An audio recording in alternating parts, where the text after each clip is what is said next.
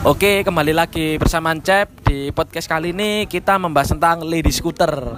Dan ini saya lagi bersama Sabrina yang yang juga teman saya yang kebetulan juga lady scooter.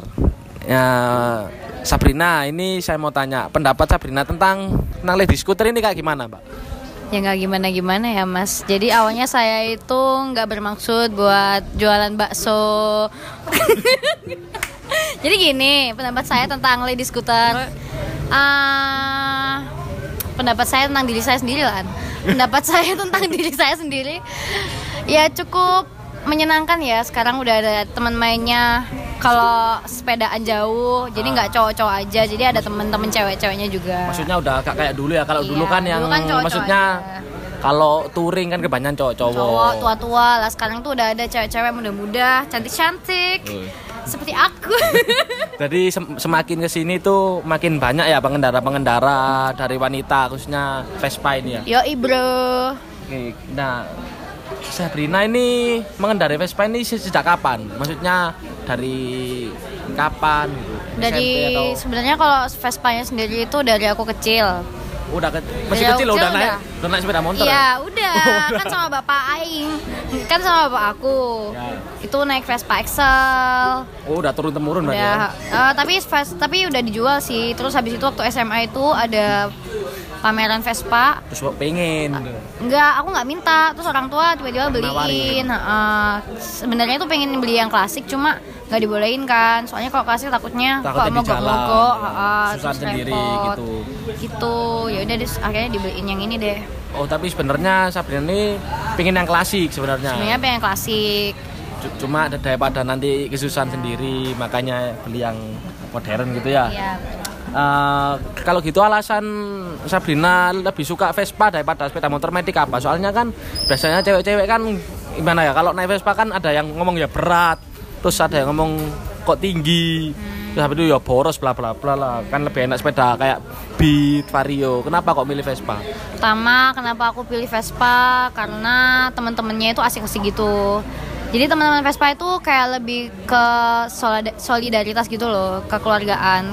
Terus kamu kalau naik Vespa pasti kerasa deh, kamu itu bakal kayak senyum-senyum sendiri di jalan, Iya, iya. seneng. Habis itu kalau ketemu sesama Vespa, kamu itu disapa, nyapa gitu ya. di bel gitu kan, ya seneng. Terus selain itu juga eh, bentuknya unik nggak kayak motor lainnya malah kebanyakan motor lainnya itu niru Vespa bukan Vespa yang niru motor lain gitu Oh, berarti istilahnya kalau kita ikut di apa di circle klub Vespa ya khususnya ya. Maksudnya bukan klub Vespa sih, sebenarnya kita punya Vespa pun kalau lihat orang naik Vespa juga merasa ada kayak hubungan Iya. hubungan seper Vespaan gitu ya. nah betul sekali pemirsa Kayak so- solidarisnya itu kuat. Habis itu punya, Vespa ini punya bentuk unik tersendiri ya yang nggak dipunyai sama motor-motor lain kan ya.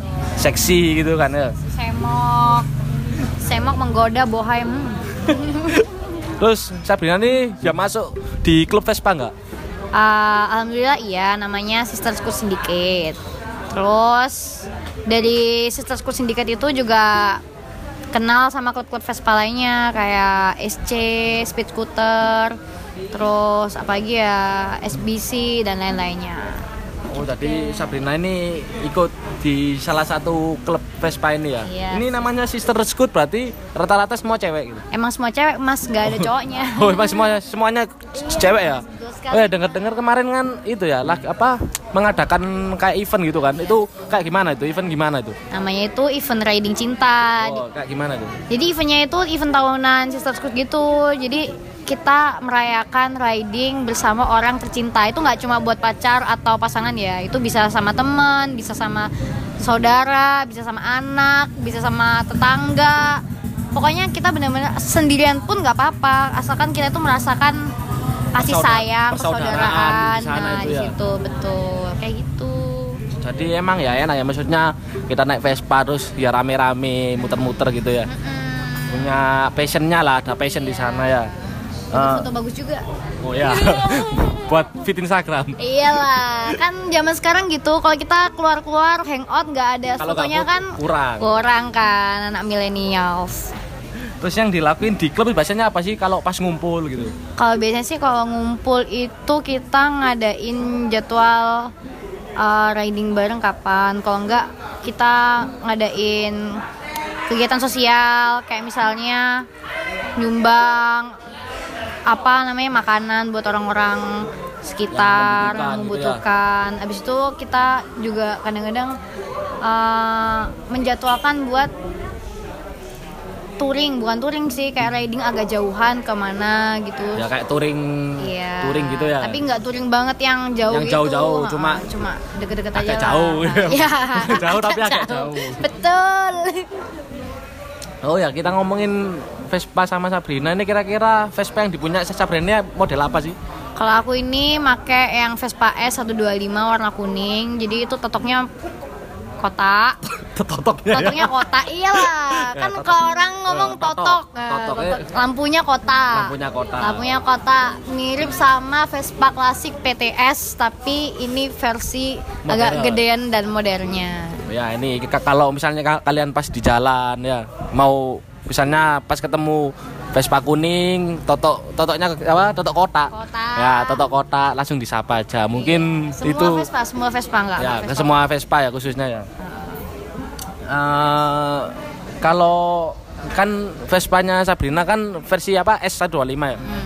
Nah itu kira-kira ya selain itu suka Vespa model apa? Terus alasannya itu apa? Vespa lain. Ah, ah. Kalau aku sih lebih suka ke ini sih apa Vespa Super yang totoknya bulat. Itu klasik. yang kecil itu yang totoknya Enggak, yang gede, yang Oh, yang super kayak Mendol, apa ya? Darling. Pokoknya yang totoknya bundar karena kok ketika aku pakai itu tuh aku ngerasa seksi gitu loh.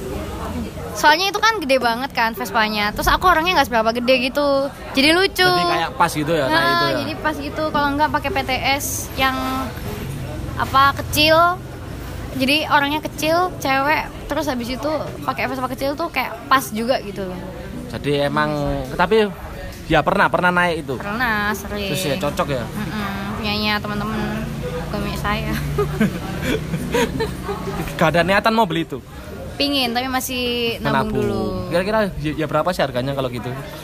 di atas 50? 15 juta Pasti di atas 15 juta ya. kalau yang PTS kalau yang super bisa sampai 20 juta juga bisa Oh 20 juta ada ya yang kayak meskipun itu udah model yang lama kan ya. Ada lagi yang apa sih namanya itu? Kongo, Vespa Kongo. Aku pengen Vespa Kongo. Oh Kungu itu yang itu, ya, mahal- yang lagi. tentara dari tentara yang Iya, dikirim yang punyanya. dikirimkan ke mana itu? Iya, apa hadiah untuk Ah. tentara Indonesia yang di- yang hadiah khusus lah pokoknya nggak dijual untuk umum. Jadi istilahnya di Indonesia itu beberapa aja yang punya ya. Iya. Oh yang yang Niko nggak sih? Yang dibeli Niko tuh tahu nggak? Iya, Ya. itu. Kayaknya sih itu. Aku aku nggak seberapa ngerti sih Niko itu beli yang mana. Kayak- Kalau kayak- tahu punya kalau kalian anak Vespa, kalian ngerti Dokter Bambang, habis itu eh, siapa ya Batas Kota Itu itu, punya, punya, punya. Ah, itu punya. kita kira kalau dijual ya berapa itu? Itu bisa sampai 50 juta sih kalau misalnya ada surat lengkap. 50 juta ya udah kayak separuh harga mobil ya. Iyalah, Vespa tuh mahal. Vespa tuh mahal, nggak kayak motor tit gitu. Kayak motor tit tit. tit tit itu nggak boleh tuh ini. Eh, kalau menurut Sabrina nih perkembangan klub Vespa di Surabaya itu kayak gimana? Udah mulai ini sih anak-anak mudanya udah mulai aktif terus makin banyak klub Vespa baru anak-anak SMA pun sekarang Sudah udah punya punya sendiri-sendiri ya? udah punya sendiri sendiri terus sekarang sih udah mulai rame sih perkembangan Vespa di Surabaya semenjak tahun 2010 ke atasan lah sudah mulai rame banyak event-event juga Match May Day terus Itu yang setiap tahun ada tiap itu ya? tahun ada tapi sayangnya tahun lalu tidak ada Itu pas hari apa itu? Mei Mei Ini tanggal itu pokoknya tuh Oh, bulan pokoknya Mei bulan lah Mei. Pokoknya March, bulan Day. Mei Ah. antara tanggal-tanggal itu ya. Eh gini ya. Aku mau nanya pendapat aja kan kalau kita lihat beberapa tahun bukan kebelakangan ya agak jauh lagi itu kan stigma Vespa kan dibilang kayak gembel. Rongsok Nah, gitu ya. Vespa itu gembel, rongsok. Hilangnya nggak berkelas lah kalau dibandingkan sama sepeda motor yang baru-baru kayak ya sepeda sport atau yang yang metik kan kurang. Itu menurut Sabrina kayak gimana? Ya nggak apa-apa sih. Itu stigmanya orang-orang kan. Kayak kamu bisa ngejudge buku itu dari covernya aja boleh. Tapi kamu pasti bakal dijudge sama orang dari covernya juga.